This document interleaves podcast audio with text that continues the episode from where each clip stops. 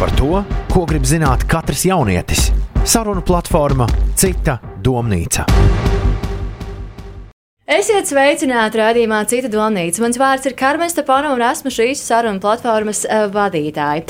Šajā reizē mēs runāsim par tēmu, kas sabiedrībā netiek plaši apspriests. Uh, bieži vien mēs satopamies situācijā, kur cilvēki vispār par šādu iespēju nezina.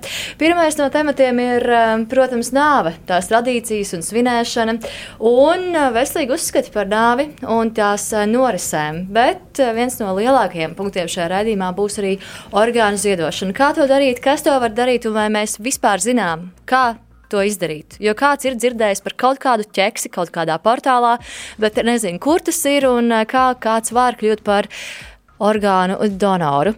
Šajā reizē pie mums transplantologs un ķirurgs Aleksandrs Maļcevs. Sveicināts! Sveiki, sveiki! Kāpat šeit arī nāves pētnieks Rināls Gulbis.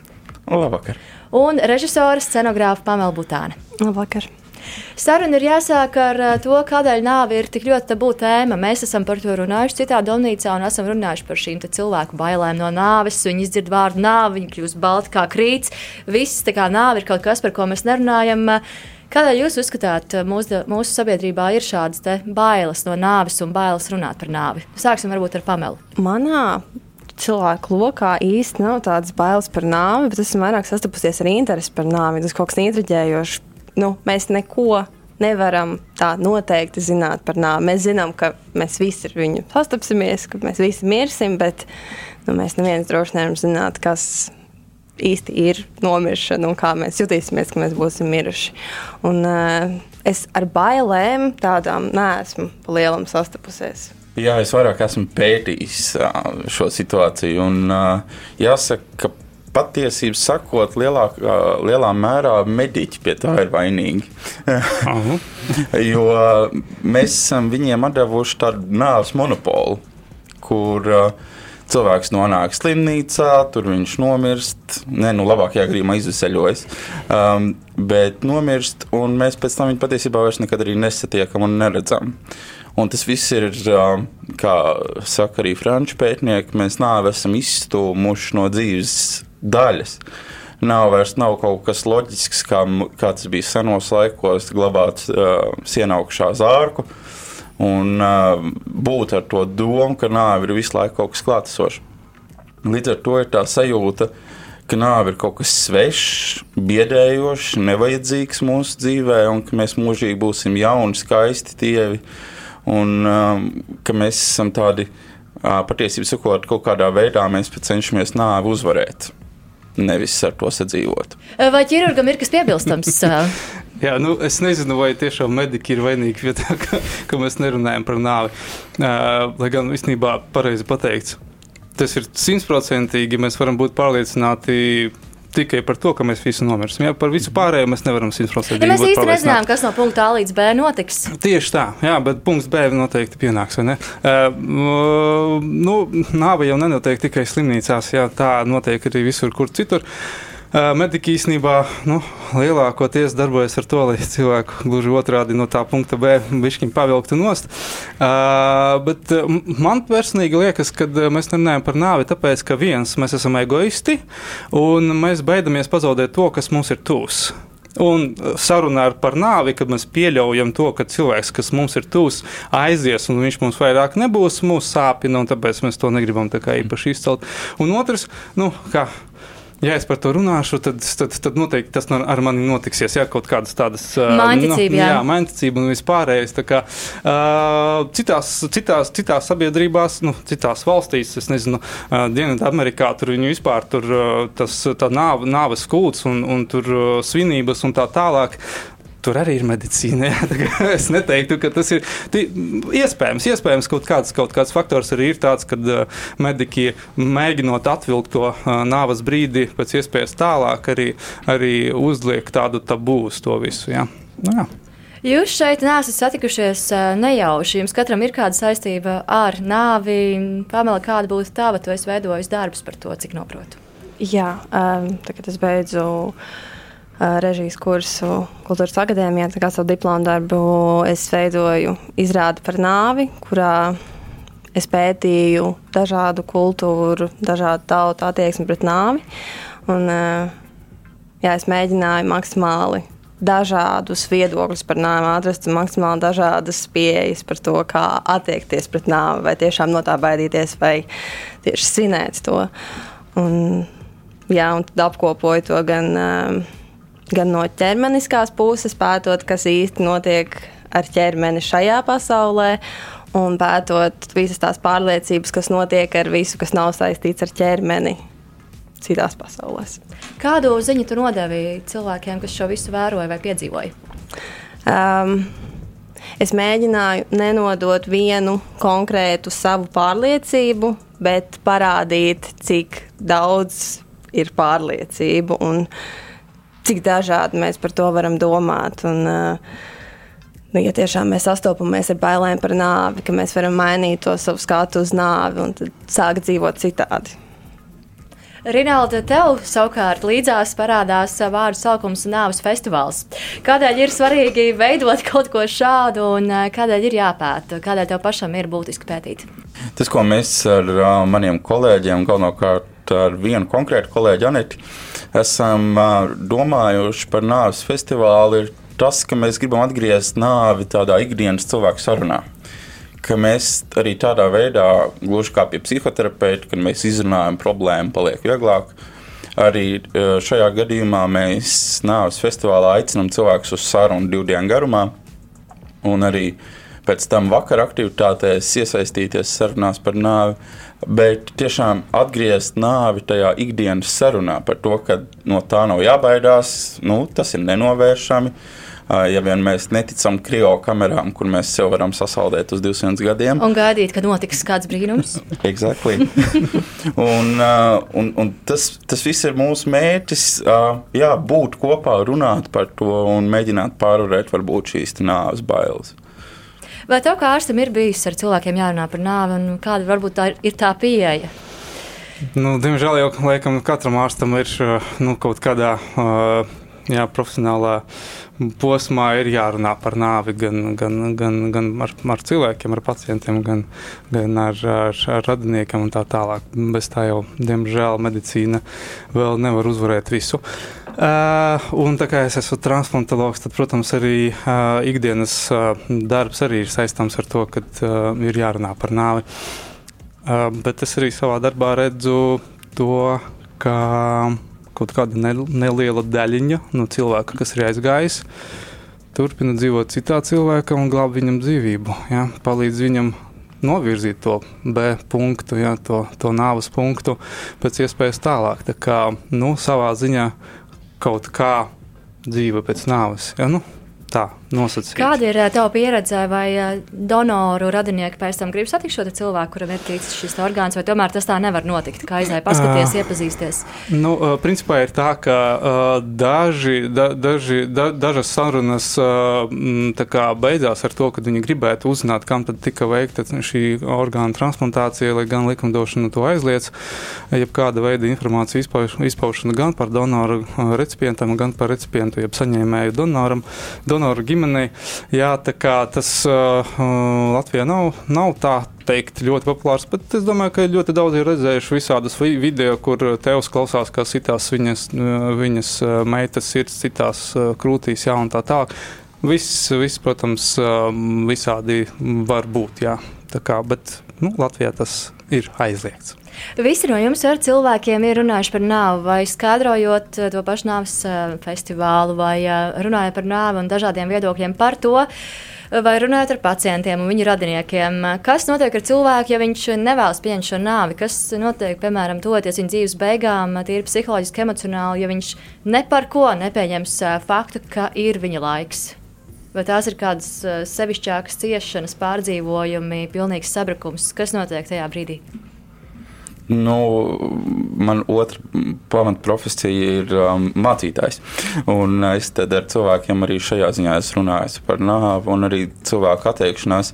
Šeit gan mēs nevaram runāt par, tikai par nāves nepieņemšanu vai pieņemšanu, bet drīzāk arī par vecuma nepieņemšanu, kur ir cilvēki, kas atsakās pieņemt kategoriski to, ka viņi noveco un ka viņi varbūt pēdējā stundā tuvojas vai kā citādi. Un, uh, šeit mums drīzāk ir vajadzīga tāda kompleksa palīdzība šim cilvēkam un atbalsts. Un, uh, tas mēģinājums varbūt aprunāties un pierunāt un mēģināt saprast, ka, ka vecums neatgriezniski mums visiem tuvojas, un ka arī nāve ir. Kā teica Salbērs, ka mēs savu dzīvi varam nomērīt, vai mēs esam dzīvojuši pareizi pēc tā, vai mēs dzīves beigās esam nomiruši. Jo, ja mēs neesam nomiruši, tad ir noticis kaut kas dīvains. Vai kādam vēl ir kas piebilstams? Pēc tādiem vārdiem grūti kaut ko piebilst. Bet mums vēl ir viss rādījums priekšā.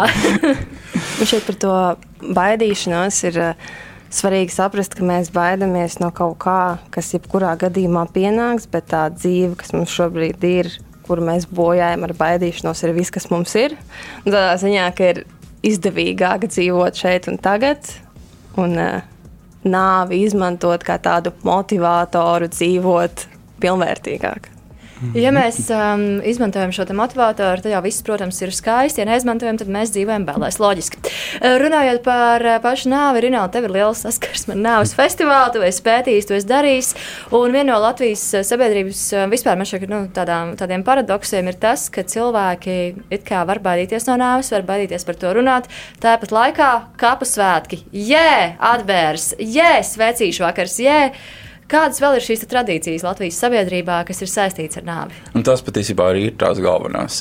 Jo, braucot Eiropā no vienas zinātniskās konferences uz citu, parasti tas ir tas, ar ko var paņemt auditoriju. Un pēdējo reizi man tāda pieredze bija pagājušā gada rudenī Rumānijā, kuras runāja tieši par mūsu kapsētu tradīciju kur jā, kolēģi no visas Eiropas teica tieši šādus vārdus, kāpēc Latvijā vēl mēs neesam uzrīkojuši zinātnisku konferenci.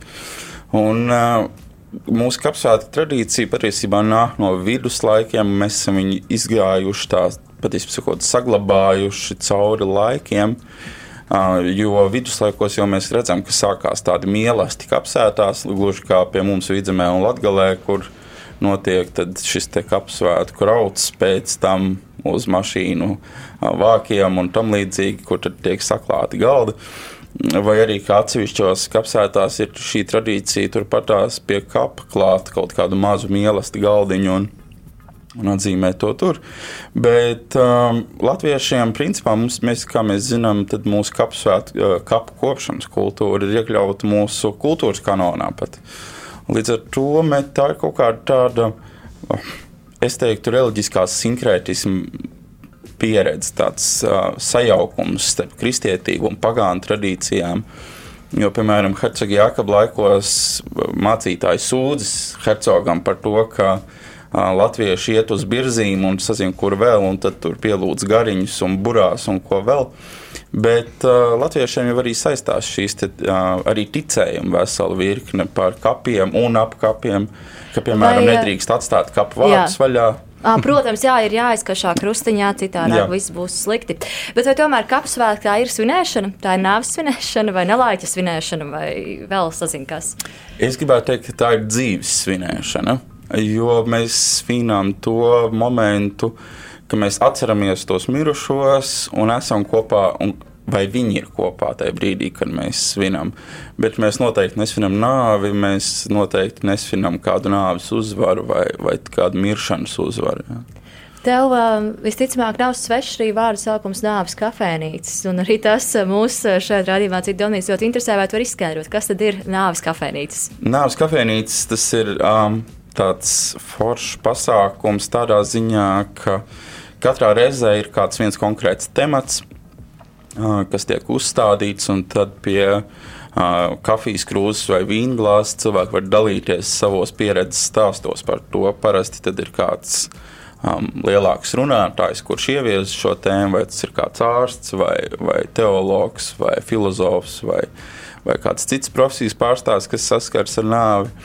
Un tad šajās nāves kafejnīcās viņas arī kalpo par tādu, par, kā to ir teikuši psihoterapeiti, par tādu pašdziedināšanās rituālu. Un nāves kafejnīcas arī pieder pie, tās, vis, pie tā visa spektra, kar, kur mēs tiešām atkal runājam par nāvi. Un kā daudz cilvēku ir atzinuši pēc šīm nāves kafejnīcām, tad viņi jūtas daudz labāk, ērtāk un brīvāk dzīvot kad viņi ir apmeklējuši to visu un piedalījušies un runājuši. Kā jums pārējiem šķiet, kā vajadzētu runāt par nāvi? Tad dzirdējām piemēru par nāves kafejnīcām, varam iet, klausīties, būt klāt. Kā vēl mēs varam runāt par nāvi veidā, kas nevienam nebūs tabū un aizspriedumiem pilns? Par to vienkārši nav jābaidās runāt. Nu, mm, Protams, tā, tā nedrīkst būt piespiesta saruna. Nu, tagad, tagad runāsim. Sēdi, runāsim. jā, jā, runāsim. Jā, uh, bet uh, nu, no mana, no ārsta skatu punkta un transmatologa skatu punkta, tas, ko, uh, ko es um, visu laiku arī saku kaut kādos raidījumos un tā tālāk ka nu, būtu arī jāparunā ar, ar, ar saviem tuviniekiem par to, kas notiks pēc nāves. Nu, teiksim, tas ir neizbēgams process, un uh, var gadīties tā, ka uh, tiešām cilvēks pēc savas nāves var izglābt dzīvību citiem cilvēkiem ar orgānu ziedošanu. Tad, kad ja šis jautājums ir izrunāts, ja, ja, ja radnieki ir informēti par to, kā, kāda tad ir tā griba šim, šim, šim cilvēkam, tad arī pēc tam tā lēmuma pieņemšana, tā saruna par orgānu ziedošanu ir, nu, ir nedaudz vieglāka jo tā jau ne, nebalstās uz piedarīgo pleciem, bet tas jau ir dzīves laikā izteikts viedoklis un griba. Ja. Šeit par nāvi ir svarīgi runāt arī tīri tāpēc, ka nu, lielākoties ar nāvi, tā kā tagad, uh, nezinu, kāds iekļūst avārijā, viņus drīzāk izglābs. Mēs tik daudz nemirstam no slimībām. Un, uh, nu, mēs lielākoties sastopamies ar nāvi filmās, grāmatās. Un, piemēram, filmās tā nāve ir ļoti bieži trivializēta, izskaistināta, smieklīga. Vai, un tad nu, mēs pierodam pie šī ļoti nepatiesā nāves attēlojuma. Un runājot, mēs varētu nonākt pie tā, kāda viņa ir. Pie īstās nāves. Īstās nāves. Kas tas būtu? Šajā brīdī radījums ir Donīts dosies iekšā dziesmā, pēc brīža būsim atpakaļ un pievērsīsimies orgānu ziedošanas procesam un visam, kas ar to saistīts. Tādēļ paliec kopā ar piecēlvē, noklausies dziesmu un atgriezies radījumā cita domnīca. Saruna platformā Cita domnīca. Radījums Cita domnīca ir atpakaļ, un šodien runājam par nāves tradīcijām, tās pieņemšanu un orgānu ziedošanu. Un, kā jau minēju iepriekš, tieši šajā daļā mēs esam gatavi pievērsties orgānu ziedošanai un tās procesam. Iesaistot mūsu Instagram sekotājus, jautājām viņu viedokli par orgānu ziedošanu un vai ar to viņi ir saskārušies. Lielas paldies visiem, kas piecēlē Instagram kontā atbildēja uz mūsu uzdotajiem jautājumiem. Instagram Uz jautājumu, vai viņi pēc nāves vēlētos ziedot savus orgānus, lai glābtu kādu citu, apstiprinoši atbildēja 74% respondentu. Un tālāk lūdzām, lai cilvēki padalās ar savām pārdomām par orgānu ziedošanu pēc nāves. Saņēmām pārsvarā pozitīvas atbildes, un lielākā daļa no mūsu sekotājiem savu orgānu ziedošanu atbalsta. Piemēram, viena no atbildēm ir: Tad, kad esmu mirusi, man nav vajadzīgi mani orgāni. Kāpēc būt sunim uz siena kaut? Paudzes. Tāpat kāds rakstā, esmu vēlējies un vēlos kļūt par orgānu donoru, bet ir ļoti maz informācijas. Vēl kāds noteikti atbalsta orgānu ziedošanu pēc nāves, jo galu galā viņam šie orgāni, nebū, orgāni nebūs vairs vajadzīgi. Un vēl kāds raksta, ka derīgus orgānus labāk ir ziedot, nevis aprakt zemē.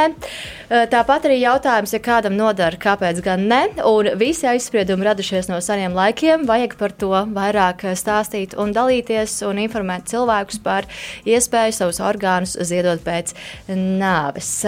Tad, nu, re, mēs esam nokļuvuši līdz uh, tam, ka ir jārunā par šo orgānu ziedošanu. Un uh, brīdī, kad cilvēka dzīve beidzas, uh, atvērts ir jautājums, kas notiek ar viņu orgāniem, uh, kā mēs varētu paildzināt cita cilvēka mūžu ar orgāniem. Protams, ir jābūt tā, ka cilvēks, ne, ne katrs cilvēks, kurš ir miris, var kļūt Varbūt, par jā. donoru. Jā, tad to ir jāsaprot. Un, protams, ir ļoti, ļoti neliela daļa no tiem cilvēkiem, kas mirst slimnīcās, var tiešām būt par orgānu donoriem. Un, jā, tāds notikums, diemžēl, notiek. Jā, jā, ja cilvēks ir gājis bojā, nu, visbiežāk tas notiek pēc tā saucamās galvas smadzeņu nāves. Jā, tad, tad, tad, kad uh, galvas smadzenes ir pārstājušas funkcionēt, cilvēks kā personība, kā nu, kā, ves, kā, kā saprats, ka cil, kā to cilvēku, kuru mēs pazīstam, vairs neeksistē, bet ir tikai viņa ķermenis, kas mākslīgi tiek uzturēts uh, ar zālēm, sirdarbība, jā, un tā tālāk. Uh, tad šeit jau uh, tiek pacelts jautājums par orgānu ziedošanu, protams, tiek izvērtēta orgānu funkcijas. Un, um, ja cilvēks dzīves laikā nav izteicis savu gribu attiecībā uz orgānu ziedošanu, tad mums ir jārunā ar, tā, ar šī bojā gājuša cilvēka piedarīgajiem, un šī saruna, protams, ir ļoti sarežģīta.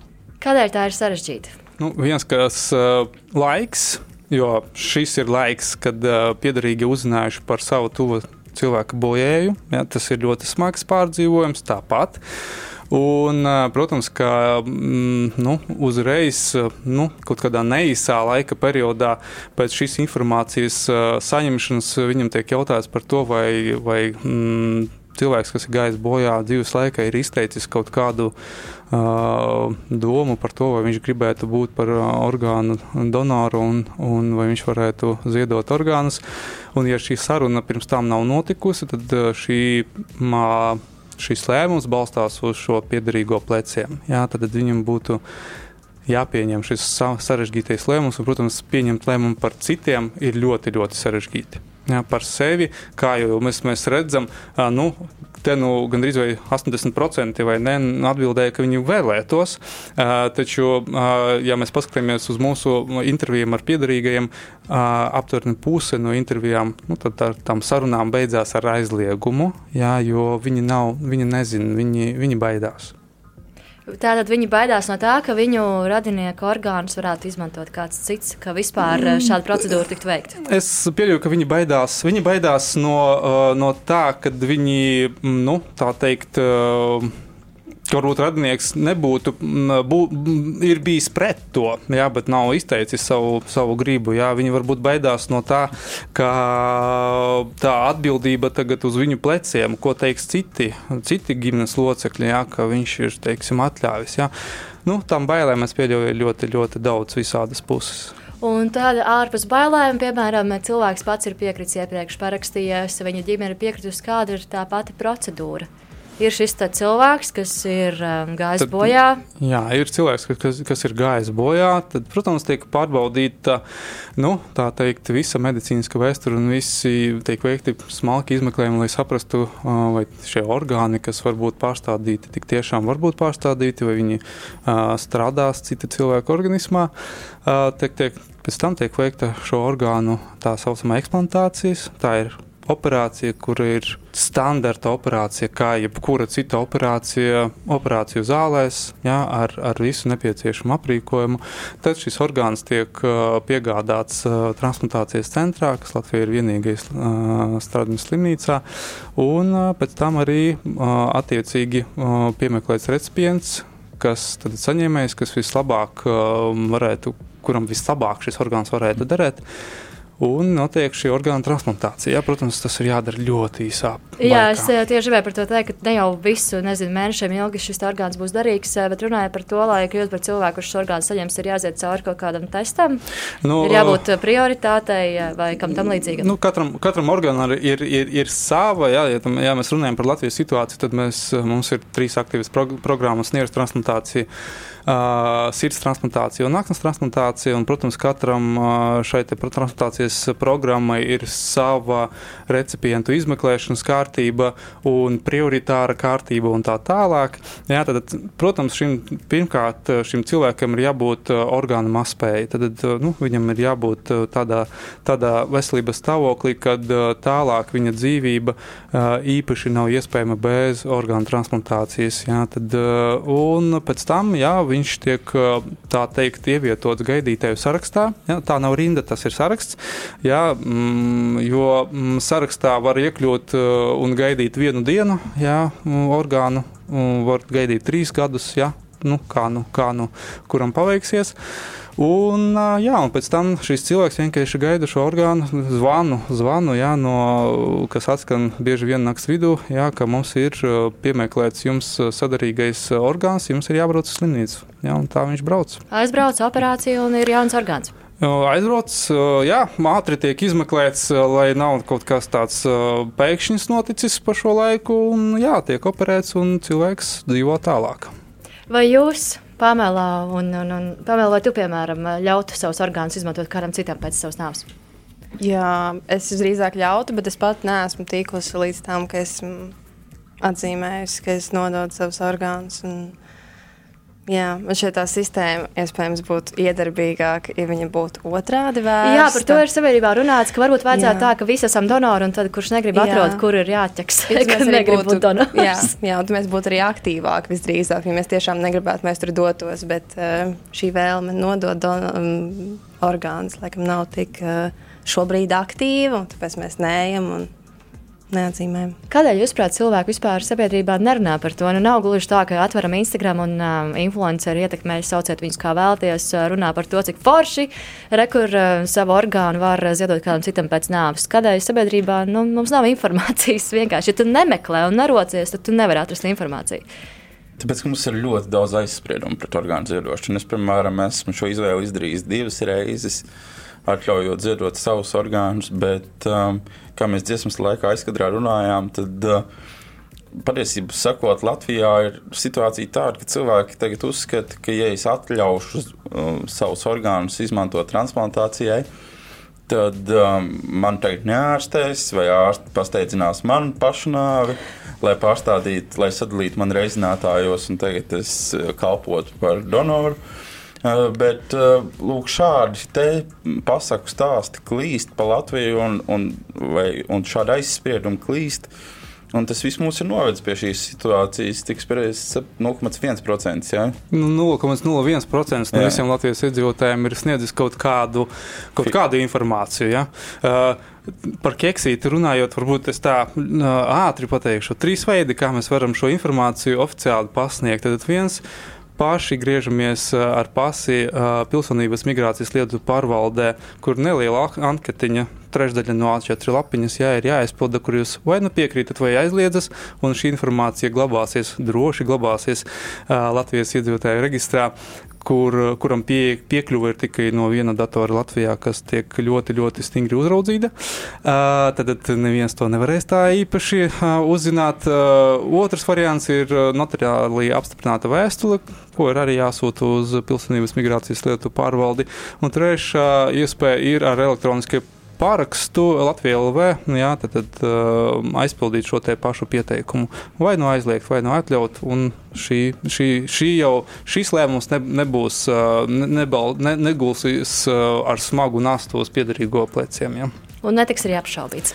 Rinalda, kā tu vērtē, vai vispār kāpēc tām zināšanām ir, vai cilvēks mēdz apturēt arī kādi reliģiski aspekti? O, jā, protams. Piemēram.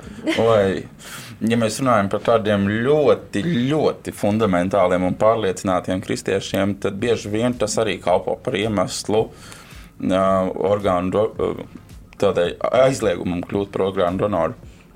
Jo tad ir stāsts par augšām celšanos, kas latviešiem arī ir nogūlies kaut kur dziļi apziņā. Uh, par to, kā tad es tagad uh, pamodīšos, uh, kad mani modinās augšām celšanās dienā bez nieres vienas, vai bez sirds, vai bez trešdaļas aknas, un kā tad man paraus debesīs. Uh, tas viss ir arī, jā, kā mēs redzam, arī reliģiski aizspriedumi tam ir veselīgi augsni un kalpotam, vai ne? Jā, bet ir viena varbūt tāda piebilde. Uh, Ja es nekļūdos, Jānis Pāvils II savā uzrunā teica, ja, ka neņemiet savus orgānus debesīs. Dievs zina, ka tie ir vajadzīgi šeit. Ja? Un, principā, Latvija nav neviena no plaši pārstāvētajām reliģijām, ne tikai neaizliedz, bet gluži otrādi atbalsta šo dāvanu, ja? nu, teiksim, kristietība. Uh, dāvināt citam, dot citam, tā ir tāda lieta, kas, kas, kas ir nu, teikt, ļoti atbalstāma, ja, un nu, orgānu ziedošana tā skaitā. Mm. Rinaldi, vai tu pats esi parakstījies par to, ka Kas Jā, notiks ar taviem orgāniem pēc nāves? Divas reizes dzīvojot Vācijā, šādu veidlapu ir jāizpild obligāti, kuras pavadīja piecus gadus. Un tur pat ir jāatzīmē, kurus orgānus tu jau eventuāli būtu gatavs ziedot, un, un tam līdzīgi. Un arī Latvijā es esmu šajā te jau pieminētajā reģistrā. Pats reģistrējies, manuprāt, pirms diviem gadiem, kad es izņēmu jauno pasi. Tad vienlaikus arī es reģistrējos un esmu izdarījis šo izvēli. Un es domāju, ka tas būtu jāizdara katram sakarīgi domājošam cilvēkam, ka tiešām orgānus nav ko ņemt līdzi uz paradīzi vai tur. Es gribētu piebilst, ka neviens īsti nekad vēl nav piecēlēs. Nu, viens nu, ir. Tā. Nu, Bet viņš nepastāstīja, kā tur ir. Bet, nu, ir jautājums, vai viņus ņem uz augšu, kur, kur mēs nezinām, kā ir, vai uz leju, kur ir silti, vai ne? Un vai tur vajadzēs papildus nastu? Nu, jā, vai tur vēl viena niera vajadzēs? Šajā brīdī mēs eh, noklausīsimies komentāru par orgānu ziedošanu, kur mums sniedz otrās elpas vadītāja Liena Reine Miteva par kustību dāvā otru dzīvību. Otrā elpa ir uh, labdarības veikala tīkls, kas darbojas šogad uh, jau 11. gadu. Mūsu galvenais uzdevums ir dodot labām lietām otro dzīvi, palīdzēt uh, cilvēkiem, kuriem tas ir nepieciešams. Tad mēs uh, cilvēku ziedotās labās uh, drēbes, lietas, grāmatas, apavus pārdodam savos veikalos, un naudu mēs ieguldam labdarības mērķu. Bet kopš 2019. gada mums ir sadarbība ar Bērnu slimnīcu. Un, mēs sadarbojamies, lai šo finansējumu dot vienam konkrētam mērķim, kas ir atbalstītu orgānu ziedošanu. Mūsu, mūsu organizācijai, otra, tātad otrajai elpai, šis lēmums nāca diezgan organiski, jo mums bija pienācis laiks, tā sakot, īstenot lielākus mērķus. Un, un tātad šī orgānu ziedošana mums ļoti sasaucas arī ar mūsu pašu mērķiem, ka mēs esam otra elpa arī uh, dodot atļauju izmantot savus orgānus pēc nāves, tu kādam var dot otru iespēju, otru dzīvību, otru augu. Un tāpēc mēs izvēlējāmies uh, no pagājušā gada sadarboties un, un atbalstīt šo kustību. Mūsu uh, savāktā ziedotā nauda aiziet, lai, piemēram, sektu kaut kādas papildus izmaksas. Jo dažreiz ir tā, ka ne visas tās operācijas var notikt, piemēram, pie mums Latvijā, un nākas ģimenēm doties, piemēram, uz ārzemēm, un tad tā mūsu nauda aiziet vecāku, piemēram, lai sektu kaut kādas izmaksas, kas rodas ģimenei, jā, dodoties uz, uz ārvalstīm. Mēs arī 2020. gadā turpināsim atbalstīt ar, ar kā iepērkoties otrās āpas veiklos mūsu tad šī nauda aiziet konkrētam. Lielas paldies eh, Lienai no otrās elpas, un paldies viņai par stāstu par to, kā viņi iesaistās šajā otrās elpas došanā saviem orgāniem. Pēc nāves aizkadrām, protams, radās dažādas spārnotas idejas, bet kā jūs domājat, vai nākotnē mēs varētu pieļaut situāciju, ka orgānu ziedošana pēc nāves kļūst daudz tāda vienkāršāka? Tāda pilnīgi pašsaprotami. Tas kā aiznest kleitu uz eh, labdarības veikalu, atstāt ziedot, atstāt kādā skapītī, iepirkšanās centrā. Nu, tai būtu jābūt tā, tādai vienkāršākai. Principā. Un, uh, tad, kad runā par orgānu transplantāciju, par orgānu ziedošanu, tad to visu uztver par wow, nu, kaut kas tāds. Bet tā ir, uh, tā ir uh, iespēja uzdāvināt citam dzīvību kas ir nenovērtējama dāvana. Jā, teiksim. un, protams, diemžēl jā, nu, pasabiedrībai ir ļoti daudz visādu aiz, aizspriedumu, visādu mainticības un tā tālāk. Un viss vis šīs ietekmē, protams, orgānu ziedošanu. Bet, nu, varbūt kādreiz mēs nonāksim pie tā, ka sabiedrība būs pilnībā gatava atbalstīt vien, viens otru, ne tikai ziedojot mantas vai naudu, bet arī ziedojot savu, savu, savus orgānus pēc aiziešanas. Bet es ceru, ka arī ar laiku tā atsaucība būs lielāka, jo tā kā tajā um, aptaujā 70% vairāk. 74 vairāk, jā. jā uh, piekrita teiktu, ka piekrītu. Tas nozīmē, to, ka internetā mēs kā piekrītam idejai. Jā, mhm. jā un uh, es pieņemu, ka tie bija jauni cilvēki. Iespējams, tā lieta, ka jaunākā paudze būs vēl atsaucīgāka un tad vairāk cilvēku to varētu darīt. Jo nu, man šķiet, tas, tā neusticība un iedomas, ka to varētu speciāli darīt pāri, ja tu nodos tos orgānus, tas ir vairāk uh, vecākai paudzei nekā jauniem cilvēkiem. Bet... Varētu būt. Jā. Mm. Nu. Jautājums ir vienkārši par, domāju, par pieeju un tiešām par šī procesa vienkāršotību vai sarežģītību. ja tas kļūst kaut kā vieglāk pieejams, es nezinu, kaut vai to nodot arī ģimenes ārstu rokās, ka caur ģimenes ārstiem tu vari izteikt šādu gribu, ka tev obligāti nav jāiet uz pilsonības migrācijas lietu pārvaldi vai kā citādi. Lai gan arī internetā nodot šo parakstu ir absolūti vienkārši, tad, um, bet vienkārši par to ir jāsāk runāt.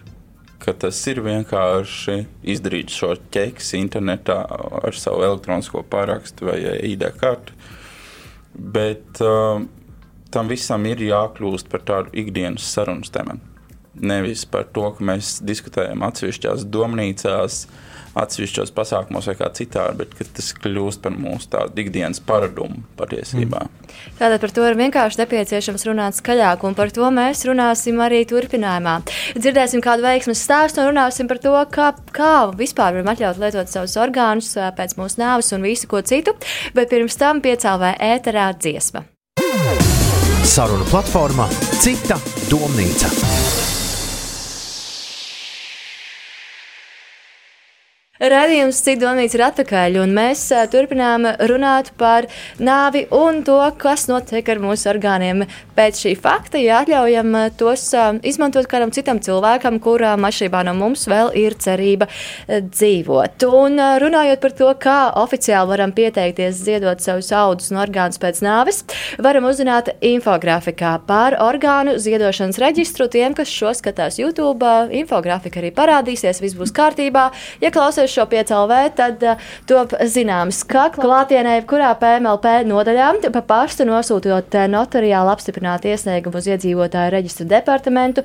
Tāpat var pieteikties elektroniski portālā latvija.lv un skaidrs, ka, ja tu vienreiz esi izdarījis izvēli kļūt par orgānu donoru un kaut kādu iemeslu dēļ esi pārdomājis savu izvēli, savas dzīves laikā vari mainīt. Vai pirms jūs izlēmāt kļūt par cilvēkiem, kas ir atzīmējuši, ka ziedos savus orgānus pēc nāves, jūs zinājāt par savām opcijām, par to, kā to iz, var izdarīt. Un kā jūs vispār uzzinājāt, ka tas ir izdarāms un kur to darīt?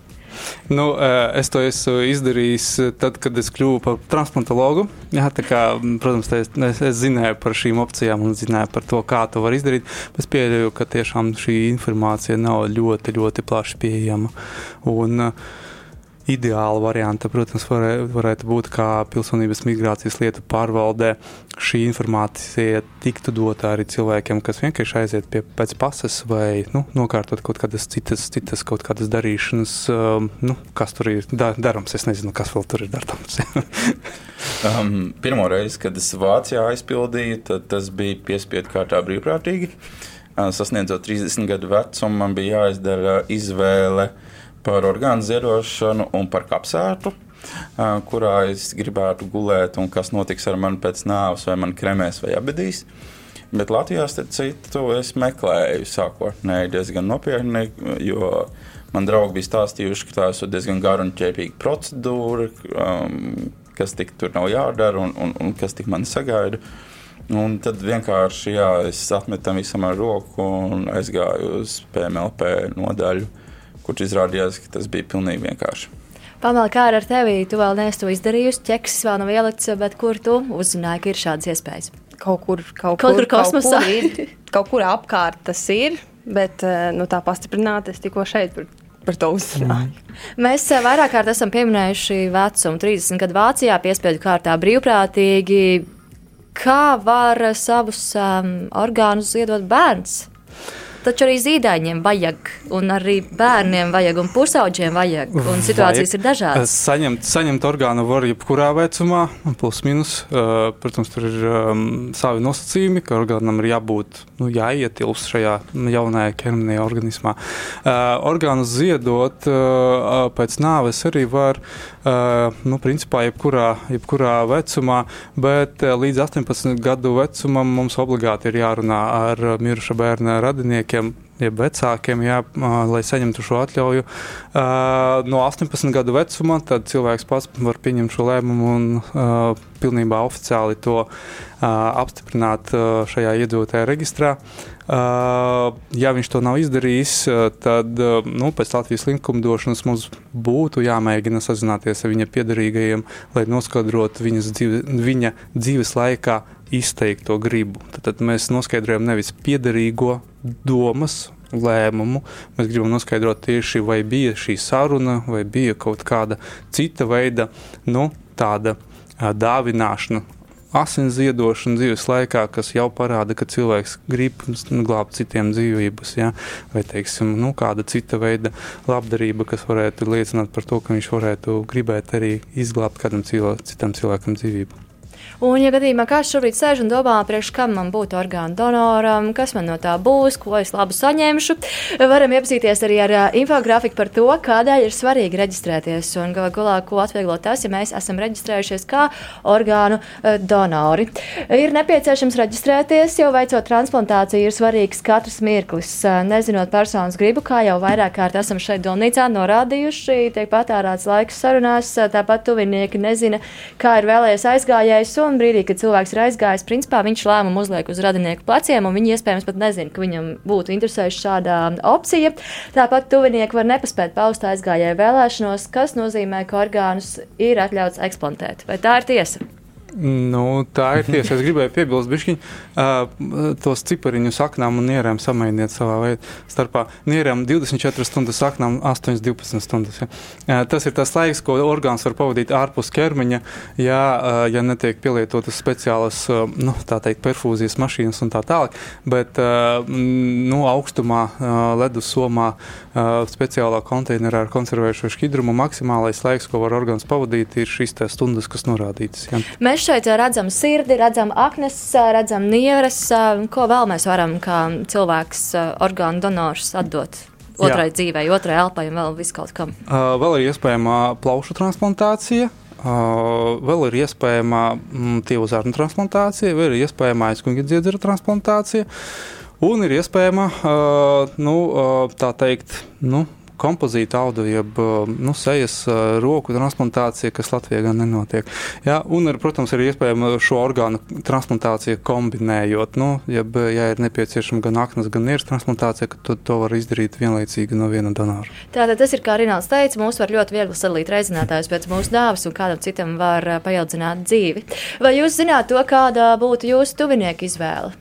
Pamela, vai tu esi ģimenē par to runājusi, vai aizdomājusies, vai novērojusi? Jā, jā manā ģimenē diezgan negatīva attieksme pret to. Man tieši ar veco māmu ir bijušas sarunas par to, cik tas ir bīstami parakstīties uz kaut ko tādu, kā tevi var avārijā neizglābt ārsti. Nu, tur ļoti, tā ir tā pati stigma par to, kā ārsti iegāzīs. Jā, jā. jā.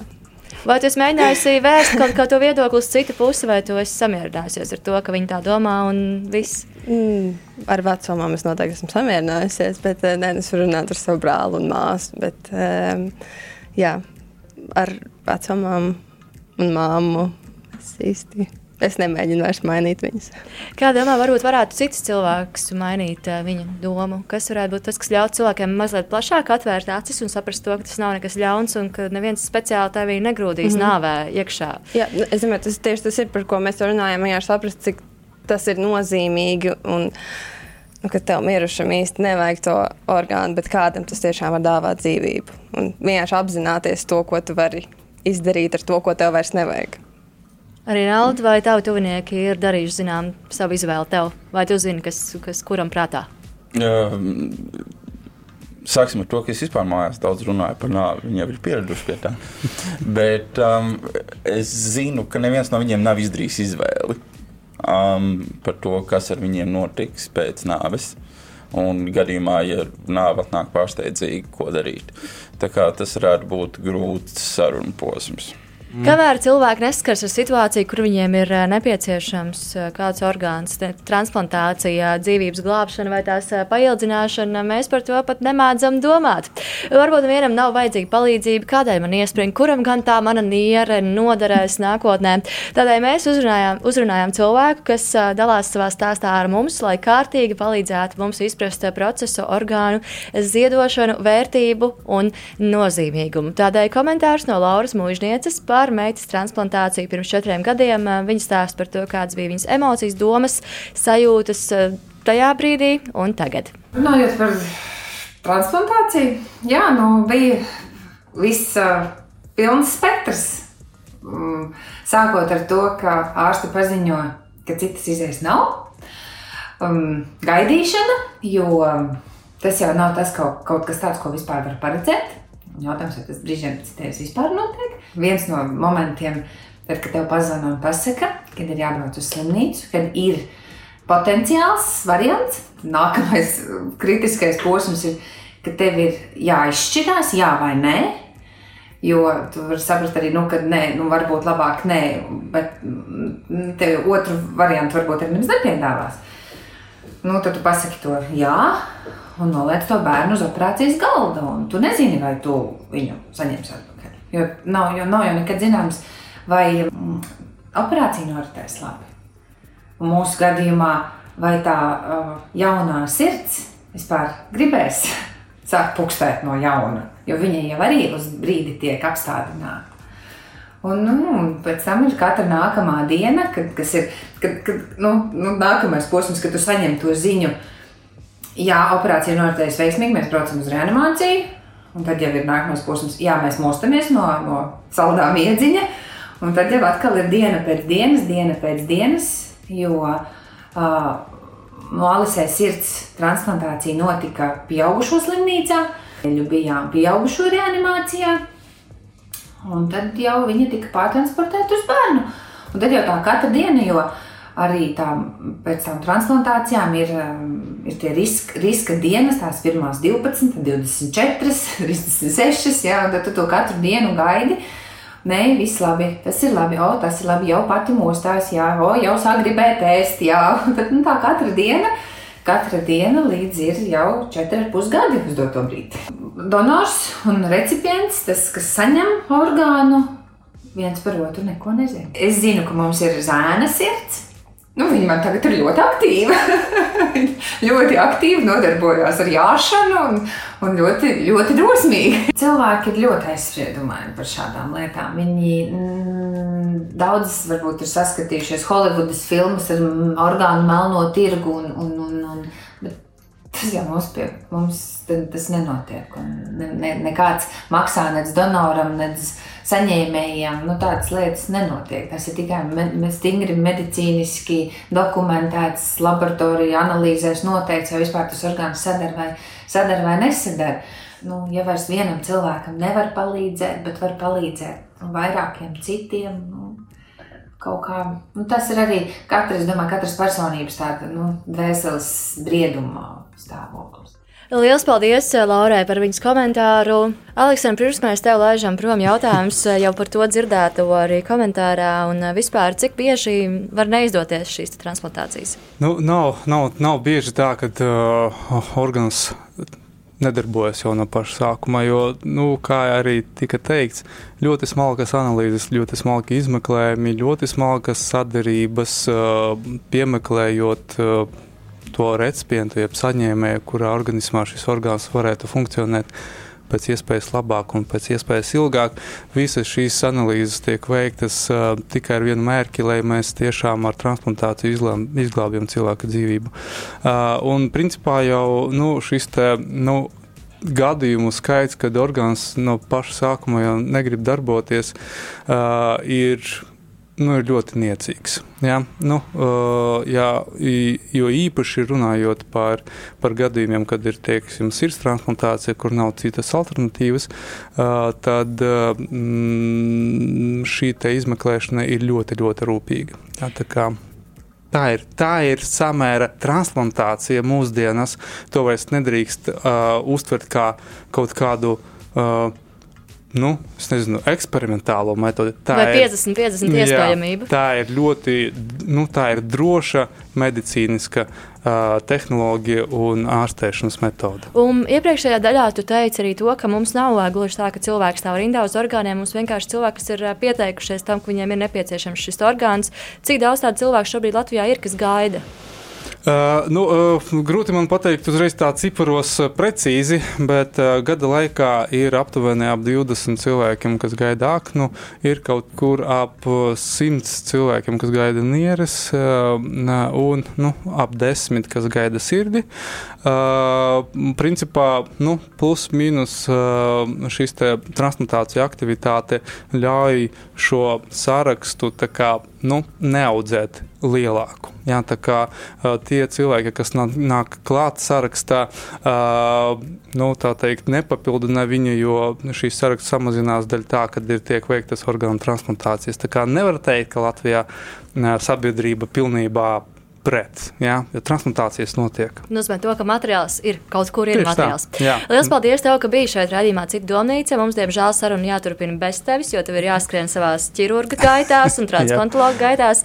Bet Labi. eh, liels paldies par to, ka biji šeit. Labi, paldies, paldies, veiksmīgi vakar. Un turpinot redzējumu citu domnīcā, jautājums jums um, abiem diviem, tev, Pamela un tev, Rinalda, vai jūs esat paši saskārušies ar situāciju, kur jūsu tuviniekam ir nepieciešama transplantācija vai izskan domas par to, ka šāda operācija varētu būt vajadzīga? Bija kaut kas ļoti līdzīgs manai mammai pirms vairāk kā desmit gadiem. Un var šķist, ka asins ziedošana no gan mums ir uz urā, un ka cilvēks ziedo asins. Viņai operācijas laikā pārlēja 9 litrus asiņu. Um, ļoti smagi šī operācija bija. Un, patiesībā sakot, ja nebūtu radinieku, bijušo kolēģu un draugu, tad šīs asins tā arī būtu pietrūkušas un nebūtu bijušas nemaz Stradiņas slimnīcai to brīdi pieejamas. Tāpēc uh, es domāju, ka vispirms mums ir jāsāk ar to, ko, kas no mums neprasa dzīvības draudus. Un, un, Neprasa nāvi. jā, uh, tā ir asins ziedošana, un kļūt par donoru var tiešām jebkurš, kurš ir smagāks par 50 kg un dzīvo salīdzinoši veselīgu dzīvesveidu. Un nevajadzētu varbūt iet par asins donoru kļūt nākamajā dienā pēc balītes, bet uh, Es domāju, ka tur uz vietas jau uzreiz saprast, ka tas ir jāsūt Jā, prom. Bet pirmdienā noteikti var, es domāju, kļūt par donoru. Tā kā asins ziedošana un ziedošanas kultūra vispār ir tā, kas Latvijā mums vēl ir jāmācās. Ja mēs esam pieraduši pie dažādu veidu ziedošanas, naudas ziedošanas kampaņām, tad šīs ziedošanas aktivitātes, kas prasa no mums kaut kādu darbību, tomēr mums vēl ir jāmācās, kā, kā iet palīdzīgā cilvēkiem, kā ziedot asinis un visbeidzot arī kā ziedot arī savus orgānus, lai glābtu kādu citu. Jo tomēr mēs in, internetu medijos un arī sociālajos tīklos bieži vien redzam, ka donoru būsiņš būs tur un tur un tur. Ir uzņēmumi, kas īpaši sauc visus savus darbiniekus ziedot šīs asinis, un tad beigās izrādās, ka laikam tas, nu, tas vai nu ļoti daudz asins ir nepieciešams visur, kur, vai vienkārši nav tik daudz šī te materiāla. Bet atgriežoties pie orgāniem, iepriekš mēs noskārām to, ka jūs. Viens ir reģistrējies, viens grib mm. reģistrēties par orgānu donoru pēc nāves. Ja jums, piemēram, būtu iespēja dzīviem esot, arī ziedot kaut kādu daļu orgānu vai kaut ko arī, tad jūs piekristu, ka jūs tuvinieki saņem. Es nezinu, kā es justos tajā situācijā, bet nu, gan jau. Ja, Pazī, es pazīstu cilvēkus, kuriem tiešām dzīvo ar ļoti niecīgu aknu daļu un ar vienu nieri, un redzu, ka viņi dzīvo veselīgu un pilnvērtīgu dzīvi. Tad es, manī pilnīgi nav šīs bažas par to, ka daļu no aknas vai vienu nieru ziedot, ka tas no manis prasītu izšķirīgu lēmumu. Jā, Bija gan viens seriāls, kur um, Jā es bija tieši atcerēties tagad. Grejas anatomijā, bija, kad uh, puisim nomira viņa labākais draugs, kuram viņš bija ziedojis nieri. Viņš gāja pie ārstiem. Nu, protams, tas viss ir uh, uzspēlēts un drāmas. Viņš ārstiem prasīja, es nevaru tagad dabūt atpakaļ, viņš ir miris. Tas bija tāds, jā, tūlīt ies un prasīs atpakaļ. Radījums cita domnīca atgriezīsies pēc brīža, kā jau ierasts piecēlā vētrā mūzika. Ja skaties YouTube, tad nekas tev neiztraucēs un var turpināt skatīties. Saruna platforma Cita domnīca. Radījums Sidonvīts ir atpakaļ. Ar mani vēl ir Rinalds un Pamela. Un, uh, turpinām runāt, un jau esam pie tāda kā noslēguma par tematu, par kuru sabiedrībā īpaši nerunā, kas ir uh, gan nāve, gan orgānu ziedošana pēc nāves. Es negribētu teikt, ka sabiedrībai ir bail, bet kādēļ jūsuprāt, mūsdienu sabiedrībā vispār šeit Latvijā cilvēki nerunā par iespēju ziedot orgānus? Vai mēs neesam līdz tam izauguši, vai tas mūs neskar? Kur ir tā problēma? Es domāju, ka mēs esam tāda posttraumatiska sabiedrība, kur mēs 50 gadu garumā mūsu vecāki un vecvecāki patiesībā nerunāja par ļoti daudzām tēmām. Un mums ir šīs fobijas, gan nāves bailes, kā jau mēs iepriekš runājām, gan arī bailes no tā, ka, ja mēs parakstīsim šo atļauju ziedot savus orgānus, tad noteikti mūs kāds nobendēs, lai izmantot savos mankārīgos nolūkos. Uh, bet uh, tas ir viss, par ko mums ir jārunā. Un jo mēs vairāk rīkojam šādas diskusijas un sarunas un platformas, kur par to runāt, es domāju, ka mēs izaugsim par veselīgu nāciju. Jo redzot, kā domā mūsdienu jaunieši, patsmitnieki, tad viņu domāšanas veids ir pilnīgi citāds un atšķirīgs nekā tas, kas varbūt ir pat manai paudzei un, un krietni vecākiem cilvēkiem. Pamela ir galva piekāpta. Nē, es pieņemu, jaunie cilvēki spriež pēc arī savas māsas, viņai 12 gadu, viņi kļūst sociāli atbildīgāki. Nu, arī tas, ko viņi skatās internetā, ir visādas sociālas tēmas. Un kas... tad mēs paskatāmies uz sevi un domājam, par ko mēs 12 gados uh, gribējām atbildēt. Vienīgā atbildība bija rotaļlietas vai kaut kādas muļķības. Pokemon. Jā. Pokemon, jā, vai seriāls obligāti 4 pēcpusdienā jābūt mājās, jo rādīs multeni. Kā tu domā, kādai mēs vispār sabiedrībā ļoti maz runājam par orgānu ziedošanu? Es nezinu, mēs satraucamies par savām problēmām un nedomājam par citu problēmām. Tiem, kam ir problēmas, tie arī vainīgi neakcentē. kaut kas tam līdzīgs. Nē, nu, ka, ka viņi, viņi skaļi par to nebļauj apkārt. Un uh, mēs nesatiekamies. Vai ir iespēja, ka tu caur uh, teātru varētu runāt ar sabiedrību par orgānu ziedošanu, vai tam varētu, vai runāšanai par orgānu ziedošanu varētu palīdzēt, piemēram, teātris izrādi tavā skatījumā?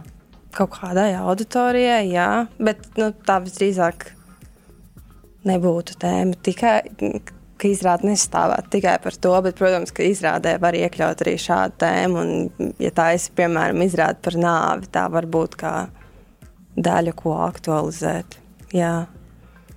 Parādīt to, ka ir arī citas iespējas, nevis vienkārši nomirst, tev aprok, bet jā, tu arī esi liederīgs. Jā, var arī pieslēgties kaut kādam dokumentālam stāstam un uh, parādīt kādu konkrētu cilvēku pieredzi vai daudzu cilvēku pieredzi ar to, cik ļoti ir vajadzējis un nav bijis vai ir bijis. Un, uh, jā, iespējams, veidojot tieši dokumentālus izrādes un dokumentālus filmas, varētu aktualizēt šo tēmu. Vai tēmas aktualizēšana tev bija laikā, kad tu runāji par nāvi izrādē? Vai tā arī bija temata aktualizācija vai vienkārši viedokļa aplūkošana? Nē, tā, tā bija temata aplūkošana arī vienkārši svarīga izpēta priekš manis. Jo es ļoti lielu informācijas daudzumu mēģināju apkopot vienā izrādē. Ļoti daudz par nedaudz par visu, ko, nevis par vienu konkrētu tēmu. Jā. Un, uh, Rinalda, ņemot vērā to, ka jau redzējuma sākumā es tam vārdam stāju klāt nāves festivāls, tad mēs runājam par nāves kafejnīcām. Vai nāve ir jāsvin un uh, kā mēs varam saglabāt uh, šīs tradīcijas? Es domāju, ka, ja ne gluži jāsvin nāve, tad noteikti jāsvin tās attiecības, kas mums ir bijušas ar aizgājēju tās mums viennozīmīgi ir jāsvin, un par nāvu mums ir jārunā ikdienā.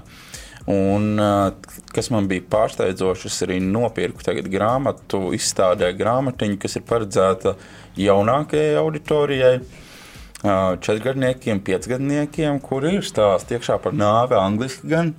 Bet acīm redzot, mēs jau ar jaunāko paudzi tūlīt varēsim runāt par šīm pilnīgi nopietnām un vajadzīgām tēmām. Un, uh, nāves festivālā.